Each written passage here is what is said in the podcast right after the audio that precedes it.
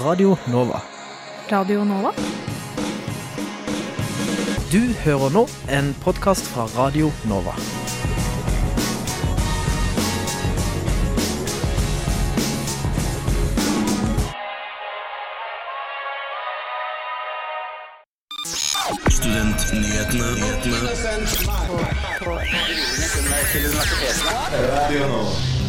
Klokken er 11, og du er hjertelig velkommen til årets første sending fra Studentnyhetene. Mitt navn er Håkon Christoffersen, og med meg i studio har jeg Julie Biberg Bø. Og i dag får du høre disse sakene. Er støtten til studentforeningene for liten? Vi får besøk av Velferdstinget. Forslaget om å gjøre høyere utdanning til foretak er lagt død. Hva mener NSO? I nyttårstalen sier Erna Solberg at det fødes for få barn i Norge. Bør vi få flere barn i studietiden? Og som vanlig får vi besøk av studentpolitikerne, men først får du høre ukas nyhetsoppdatering.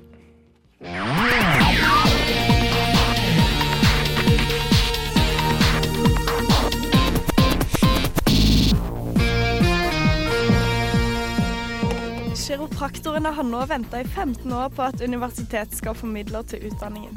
Nå begynner utålmodigheten å bre seg i miljøet. Norsk kiropraktorforening oppgir på sine nettsider at foreningen har om lag 700 praktiserende medlemmer. Likevel finnes det ingen utdanningstilbud for kiropraktor i Norge. Dette skriver Universitas. I starten av mars 2017 meldte samme avis at UiO slutta å bistå i aldersvurdering av asylsøkere. Det ble sagt at dette var bl.a. av etiske hensyn. Likevel har førsteamanuensis Sigrid Kvål bistått med 15 tilfeller av aldersvurderinger etter at avtalen ble avslutta.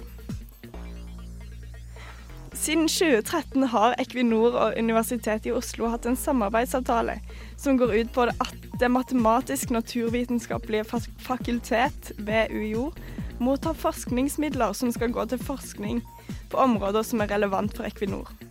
Denne avtalen møtte sterk kritikk fra forskjellige miljøorganisasjoner.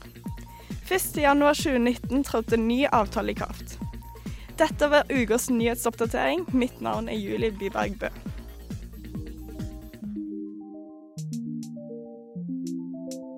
Før jul kom det frem i Universitas at Velferdstingets ønske om en økt støtte til studentforeninger ble avvist av SIO. Velferdstinget i Oslo og Akershus ba om litt over 20 millioner kroner, men SIO går kun med på å bevilge 18,8 millioner. Altså 1,3 millioner mindre enn ønsket. Nå skal det sies at det foreslåtte kravet var en stor økning fra året før, SIO hadde dessverre ikke mulighet til å stille i studio, men vi har fått besøk fra Kari Anne, Kari Anne Andersen, nestleder i arbeidsutvalget i Velferdstinget, og Rune Kaisuke Kosaka, representant i Velferdstinget fra Oslo OsloMet. Velkommen. Takk, takk. Tusen takk. Kari Anne, kan du forklare hvorfor Velferdstinget ønsket en slik stor sum? Det var jo en helhetsvurdering av alle de søknadene som kom inn. Vi mottok veldig mange gode søknader. Det er eh, mye foreningsaktivitet i Oslo og Akershus. Det er veldig mange dyktige frivillige som står på dag ut og dag inn for å gi brukerne sine gode tilbud som de bruker i hverdagen. Som bidrar til å skape samhold og trivsel på studiestedene. Da vi eh, så på søknadene, så så vi at behovet til foreningene, de det, ja, det var på en måte på så mye penger. Jo, så da spurte vi om det. Det har blitt eh, kommunisert i flere medier at dette er kutt i støtten til foreningene, men det er det i realiteten ikke. Støtten økes, men ikke like mye som Velferdstinget ønsket. Så da må jeg nesten spørre, er det behov for en slik stor økning som dere ønsket?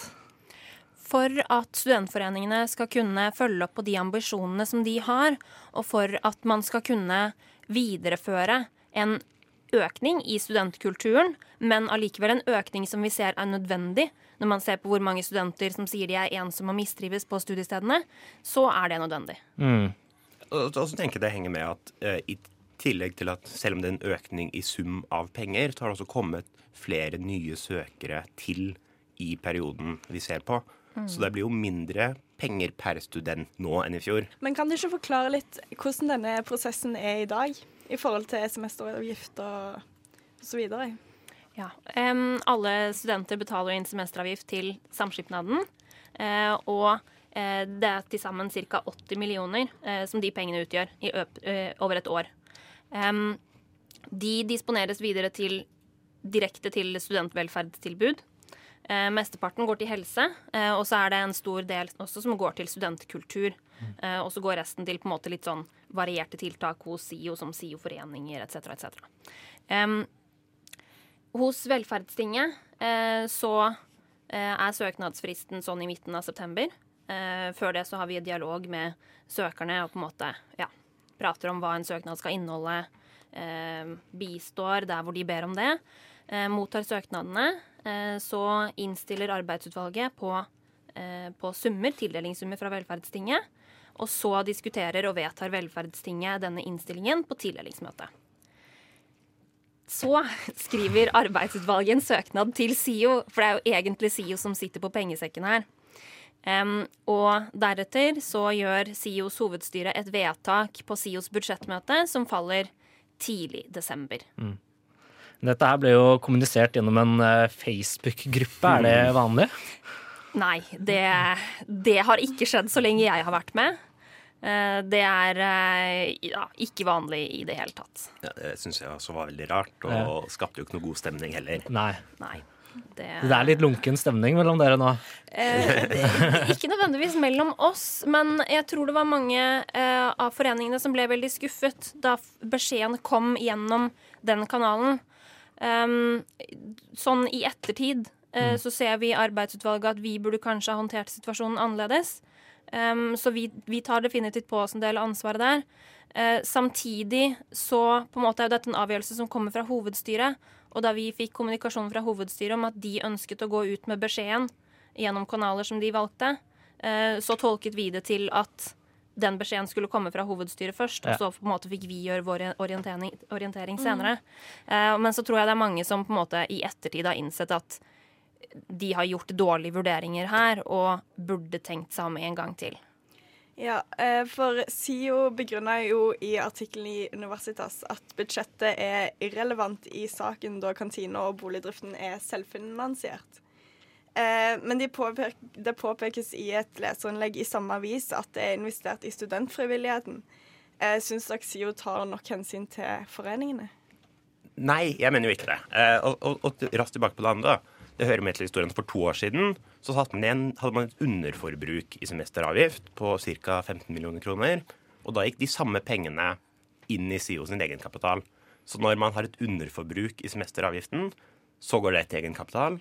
Eh, når man har et faktisk behov, så er det ikke mulig å hente de pengene tilbake igjen.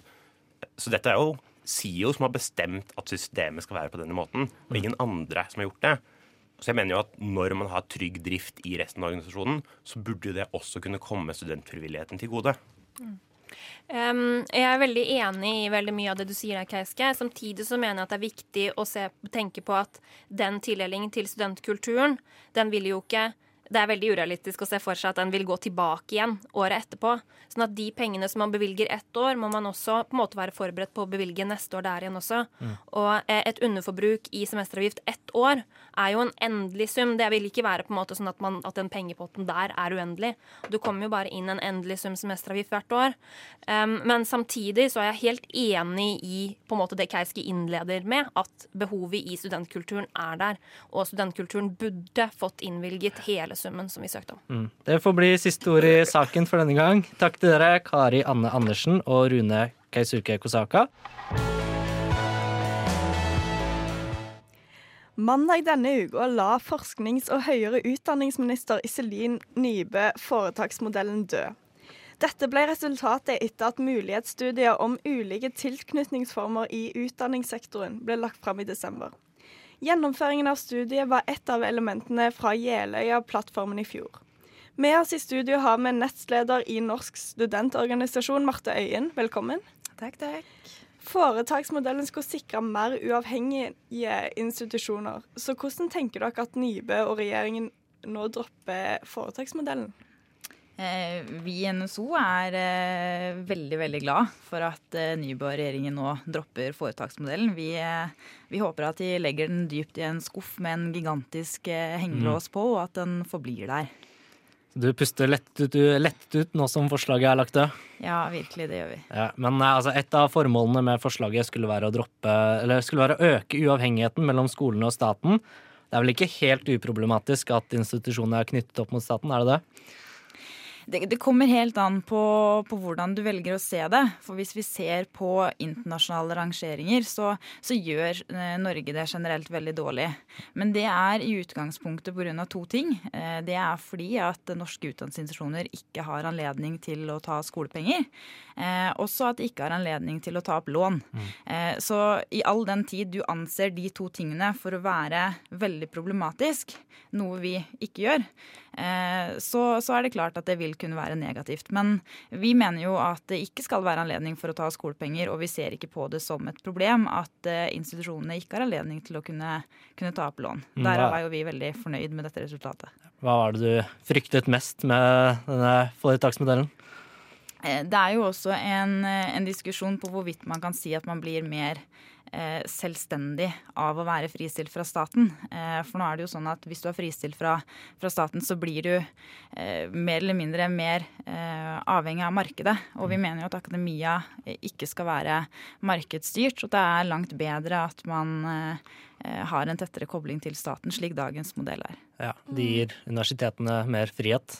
Det gir, en, det gir en mer stabilitet og en mer trygghet både til Eh, institusjonene og studentene, slik vi ser det. Mm. Blant annet så, eh, så går det jo på at antall studieplasser, eksempelvis, er det jo da institusjonen og, og staten som avgjør, og ikke markedskrefter som, som avgjør det. Og det syns vi er riktig.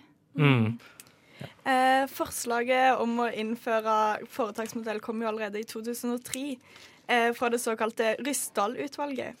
Eh, den daværende eh, kunnskapsministeren eh, Kristin Clemet møtte stor motstand fra universitets- og høyskolesektoren.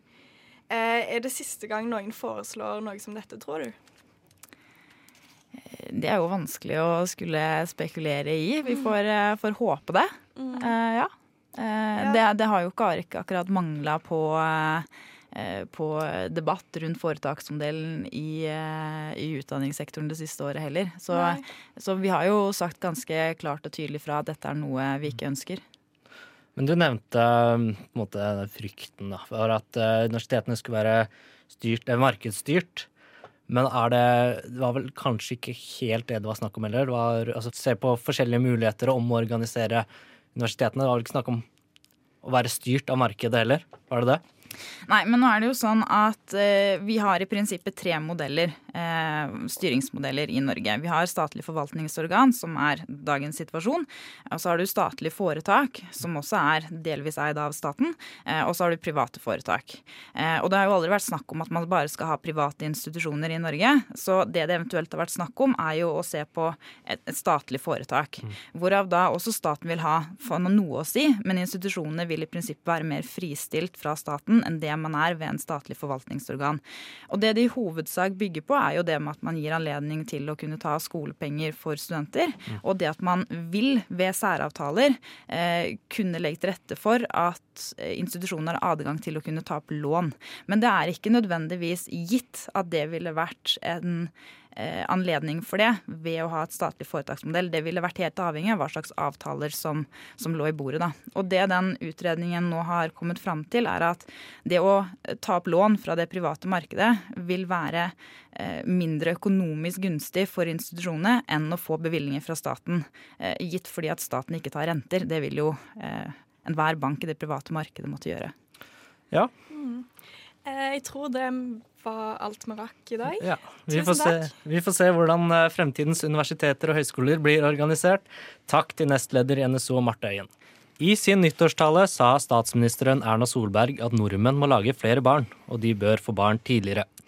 Men har studenter mulighet til å få barn mens de tar en grad? Vi har med oss Henrik Bjørndalen fra Blå, Blå liste og Eva Moshus fra A-lista. Velkommen. Takk. Tusen takk. Jeg starter med deg, Henrik. Hvordan stiller du deg til Solbergs uttalelse? Bør vi studenter få flere barn med hensyn til samfunnets økonomiske bærekraft? Ja, jeg kan vel si meg enig i det. Og det er jo flere grunner. Ikke bare er det å få barn i seg selv en positiv opplevelse, Men det er jo også sånn at uh, du er i en gyllen posisjon da, til å få barna. Du er ikke presset av jobb. Du har heller ikke noe eh, Skal vi se Du har ikke noe Eller du har mer fleksibilitet. Og man trenger ikke å Man har ikke den der at man må forlate jobben da, i et år, og så taper man ikke på pensjonspoeng f.eks. på det, da. Men da må det også tilrettelegges, da. Og det må det hvis da studenter skal få barn. Mm. Men eh, vil ikke det bruke mye av tiden du burde brukt på å studere? Jo, men det er derfor jeg mener at uh, du er jo bort, Vi har jo gode barnehagedekning i Oslo. Det har vi. Så der har jo du en mulighet da. Det første blir jo det med at du må ta Du vil være borte i starten, men så fort barnet blir ett, så har du barnehagemuligheter, da. Men det man Hvis man vil at studenter skal få flere barn, så må man jo også satse da på de økonomiske sidene da, av det å få barn. For det er der problemet ligger, da. Ja, for Eva, det er jo ikke Studenter har jo ikke god økonomi. Det er vel ikke det første man tenker er 'nå skal jeg få barn', og jeg har så dårlig økonomi. Nei, det kan man jo ikke si. Det, det jeg tror i lengden det vil være naivt å si at, barn, at studenter skal få barn så tidlig, ut ifra det faktum at vi har ikke råd til det. Mm. Du får, de ekstrapengene du får, er 1600. 8000 pluss Ja, altså det er litt under 10 000 i måneden. Mm. Det er ikke nok. Og det Ja, og vi er jo, der er vi jo enige. Og det er derfor vi da i regjerings, nye regjeringen da, som ble, kom i går, Mhm. så har man f.eks. da foreslått å øke engangsstøtten med da 100 000, som blir da fordelt Du får et større sum med en gang barnet blir født, og så blir resten fordelt de jeg tror det er 11 første månedene. Mm. Og så må jo det også foreldrestipendet økes. Og så burde man også da se på hvordan man kan eh, endre foreldrepermisjonen, sånn at eh, fars permisjonstid ikke er knyttet opp til mors, arbeids, eh, eller mors arbeidserfaring. Da. Men hvorfor er det så viktig å få flere barn? Innbyggertallene i landet går jo bare oppover. Jeg vil jo si at det å få barn er noe positivt. Jeg, min onkel jo, var jo heldig nå og blei far i juni-juli. Å gud, det burde jeg vite, jeg som er stef... Eller gudfar og alt. Gratulerer. Jo, takk. Eh, og det har jo, uten at jeg skal liksom sugarcoat it, så har jo det vært veldig positivt. Både mor og far gløder, og han lille krabaten er en kilde til mye, mye morsomt og mye glede. Men det er jo også det at eh, vi skal jo også betale for velferdsstaten i framtiden, og da er vi avhengig av arbeidskraft. Og det er jo Da må jo det være noen som kan jobbe i framtiden òg. Hva mener du om det, Eva? Altså, det er klart vi må ha ø, flere til å betale for en stadig tyngre velferdsstat. Det er et faktum. Spørsmålet er er det studenter i lengden som skal betale for dette. Er det ikke bedre å heller la studenter bli ferdigutdannede, få de mulighetene, og så la dem få barn? Jeg, vil vi virkelig at vi skal pålegge det ekstra på studenter? Det er, studenter har en ustabil hverdag generelt. Det å plassere et barn inn i det, er ikke det Mm. litt Men statistikken viser jo at uh, for å opprettholde befolkningen så får vi for få barn. Og vi venter for lenge kanskje med å få barn også. Er ikke dette et greit tiltak, da? Nei, Nei? det vil jeg ikke si. Det blir uh, fort vanskelig uh, for studenter å kunne leve og bygge opp en god studiehverdag med barn inne i bildet også. Mm. Er, er slik jeg har forstått det. Men selvsagt, hvis du er 26 år gammel student, det er jo mulighet at du, eh, for at du har lyst til å få barn på et eller annet tidspunkt. Og det, det må vi jo være åpne for. Men det er jo mange studenter i dag som velger karriere foran barn. Er dette et problem? Vel, og så Jeg vil jo si at man Dette er jo noe man må planlegge, da. Og igjen så tror jeg det å få barn før du går ordentlig inn i arbeidslivet, er bedre det enn å måtte ta et års pause midt i. Mm. I hvert fall for kvinner, da. For da, det er dessverre sånn da, at kanskje flere arbeidsgivere tenker at å, du velger da å få barn framfor å satse på karrieren. Da, da er du kanskje ikke så engasjert da, som du burde være. Mm. Og det er jo problematisk, mener jeg, da. Det skal være sånn at det skal lønne seg økonomisk å få barn, da. Altså hvor mye tid skal til for å få opp den fødselsraten? Skal det liksom lønne seg å få unger? Vel, altså Nå tenker jeg først og fremst at du skal ikke få unger fordi du får tjene på Eller du tjener Nei. penger på det. Det er jo mer en glede i seg selv. Og, men eh, jeg tenker jo mer det at vi som et samfunn burde da støtte opp under da foreldre. Det var et interessant tema, men det var dessverre det vi hadde. Takk for at dere var med oss i studio, Henrik Bjørndalen og Eva Moshus. Eh, hjertelig velkommen til Studentnyhetene. Eh, Susann Andora Biseth Mikkelsen, leder for studentparlamentet ved UiO, og An Kari Anne Andersen, nestleder for VT. Hei sann. Eh, godt nyttår. Eh, hvordan har starten på semesteret vært? Eh, Godt nyttår. Det har jo vært veldig spennende med de politiske endringene som har skjedd, og regjeringsplattformen som skulle legges frem, og nyttårstalen til Erna. Mm. Ja, Hva tror dere vil prege studieåret 2019? For oss så er det veldig mye at UiO skal lage en ny strategi. De skal inn i en strategiprosess som skal vare i ti år. Så det er veldig spennende å få lov til å være med og forme hvordan vi mener universitetet Oi. skal være om ti år. da. Og spesielt med tanke på SHoT-tallene, hvordan vi kan imøtekomme de utfordringene vi ser studentene har. da. Og sørge for at UiO blir det beste stedet å være. Er det noe vi burde følge ekstra godt med på? Ja, um, i Velferdstinget så planlegger vi å ta en del uh, med prinsipielle debatter i løpet av våren, Uh, som uh, sikkert dere bl.a. er interessert i å løfte fram eh, for resten av studentmassen.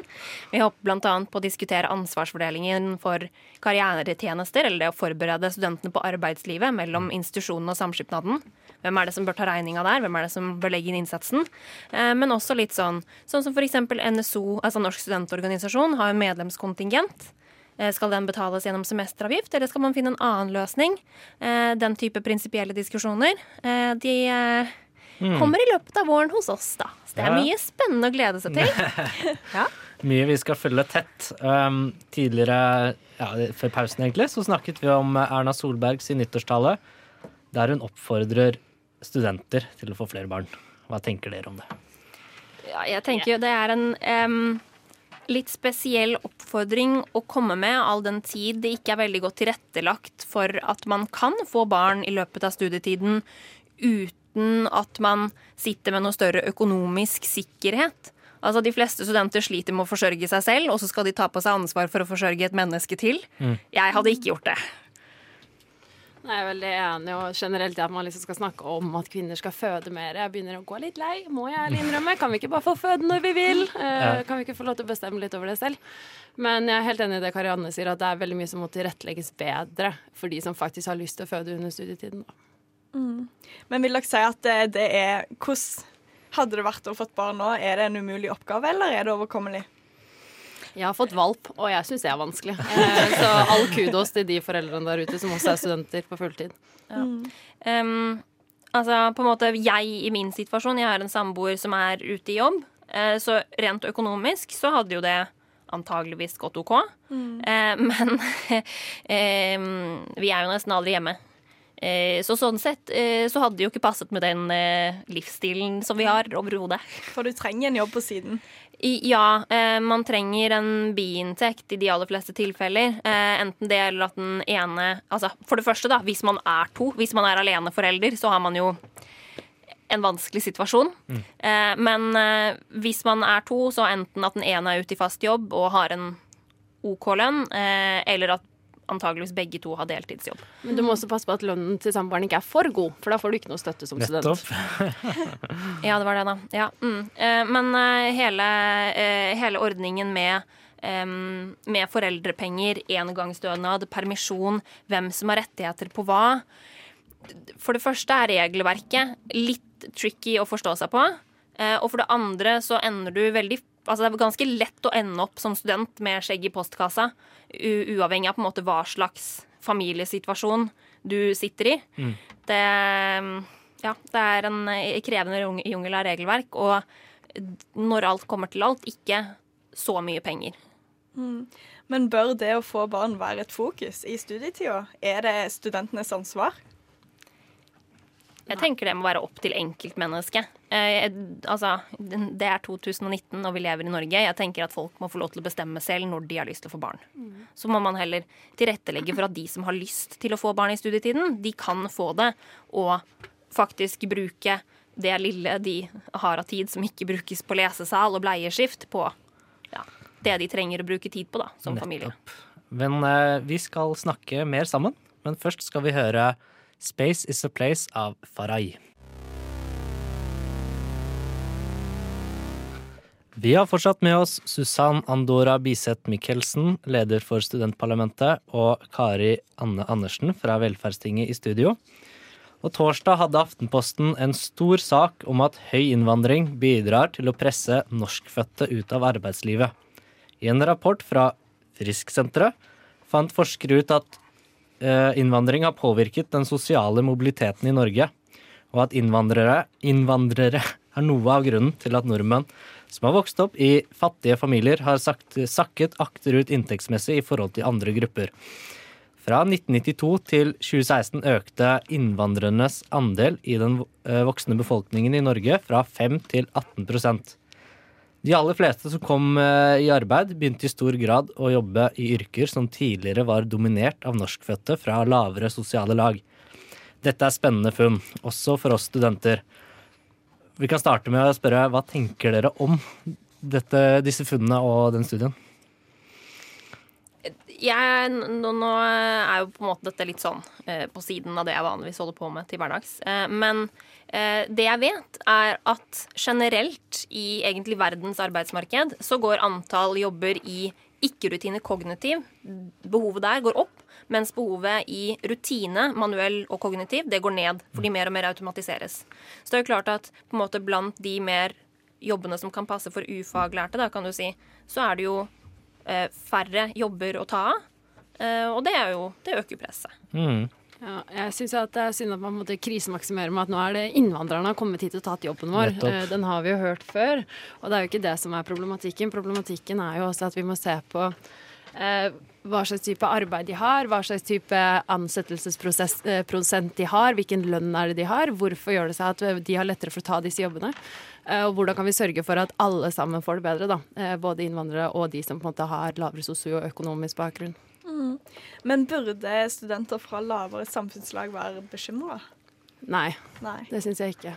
Det er, eh, det er godt arbeidsmarked der ute, og med høyere utdanning så sikrer du deg selv en enda større sjanse for å få deg jobb etterpå. Ja, og du, for å kunne på en måte få jobb i den økende arbeids- eller økende etterspørselgruppen, som er liksom ikke-rutine kognitiv, så er jo det naturlig at det er de faglærte, det er de med høyere utdanning, som vil være de naturlige arbeidstakerne for de typer jobber. Ja, og så må man jo ikke tenke at alle skal gjennom høyere utdanning heller, men de som vil, de skal ha muligheten. Liksom som vi var inne på med det å få barn.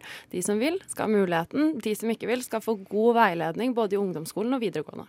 Men kan dere ikke gå inn litt på de, sidene med, nei, de positive sidene med økt innvandring? Eh, Karianne, vi kan starte med deg. Ja, altså eh, det på en måte å altså, nå, nå kan vi jo gå tilbake til nytt- nyttårssalen til Erna om at eh, vi må få flere barn. Eh, vi er ikke mange nok til å jobbe til å opprettholde velferdsstaten. Her kommer det jo mange mennesker som kan jobbe og bidra. Eh, det det krever, er jo selvsagt at det norske samfunnet tar ansvar til å sørge for at de får seg de ferdighetene som de trenger for å komme ut i arbeidslivet. Og der tror jeg vi har en lang vei å gå. Også både på en måte på eh, grunnutdanning eh, og det å gi det mulighet til f.eks. gå eh, videregående skole, yrkesfag, fagskoler, men også høyere utdanning. Der tror jeg vi har en lang vei å gå. Og få godkjent eh, egen høyere utdanning som de kommer hit med. Ja. Men den eh, studien, studien den eh, konkluderer med at høy innvandring fra lav inntektsland har forsterket innflytelsen økonomisk bakgrunn har hatt på sosial mobilitet i Norge. Det er jo ikke uproblematisk, er det det? Nei, selvfølgelig ikke. Vi vil jo ikke at noen skal falle utenfor, eller at noen skal komme, falle utenfor arbeidslivet i Norge. Vi vil jo at alle skal ha like muligheter, og det er jo mye av det vi står for gjennom lik rett til utdanning. At vi vil at folk skal ha muligheten til å ja, gjøre det de vil, da. Eh, Og at man skal ikke liksom blitt pushet ut av andre eller lignende. Men eh, jeg syns ja. Eh, Men samtidig så kan man ikke se på dette isolert. Det er ikke sånn at dette er det eneste som har endret seg i samfunnet i løpet av den tiden. Um, F.eks. det nye forslaget eh, til statsbudsjett som involverer en reduksjon i omgjøring fra lån til stipend dersom du ikke fullfølger en grad. Det vil gjøre at folk fra særlig da lav sosioøkonomisk bakgrunn, som i utgangspunktet vegrer seg mer for å ta på seg studielån, risikerer å ta på seg mer studielån enn det de i utgangspunktet hadde gjort før. Eh, så altså, det er flere faktorer som spiller inn her, og jeg tror ikke at vi kan se på bare innvandring alene når man ser på hva som har ført til lavere grad av sosioøkonomisk mobilitet i samfunnet. Mm. Men eh, hvordan jobber dere i Velferdstinget for å bevare den sosiale mobiliteten i Norge? Det som er veldig viktig, er jo at man har lik rett og lik mulighet til å ta høyere utdanning.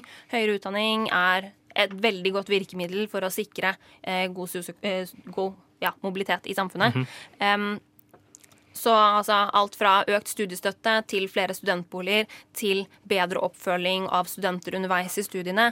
Alt som gjør at enhver person i Norge kan begynne på høyere utdanning, kan gjennomføre og deretter gå ut i arbeidslivet med en høyere lønn da, enn det man hadde hatt ellers fordi man har tatt høyere utdanning.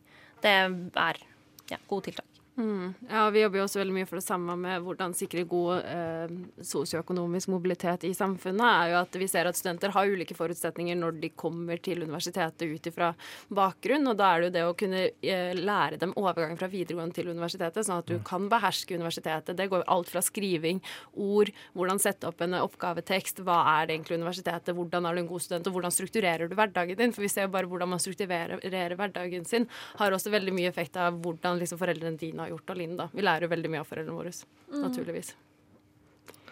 Ja, det er en annen ting som eh, kommer frem i, i den studien som ikke tas opp i artikkelen, er jo at uh, dette fenomenet påvirker i like stor grad barna til innvandrerne som det gjør Selv om artikkelen fokuserer på etniske nordmenn, så er det sosial mobilitet Ja, hva skal man si? Um, det blir mindre sosial mobilitet i Norge, da. Det er ikke helt bra. Nei. Må styrke utdanningen, grunnut, eh, grunnskolen. Eh, sørge for mm. at alle har like muligheter. Eh, fordi man ser jo at selv om man prøver å tilrettelegge, så er det ikke alltid like lett, og da er det vi må fortsette å jobbe med. Mm. Ja, Da har vi dessverre ikke tid til mer, men takk for at dere kunne komme, Susann Andora Biseth Michelsen og Kari Anne Andersen. Du har hørt en podkast fra Radio Nova. Likte du det du hørte? Du finner flere podkaster i iTunes og på våre hjemmesider radionova.no.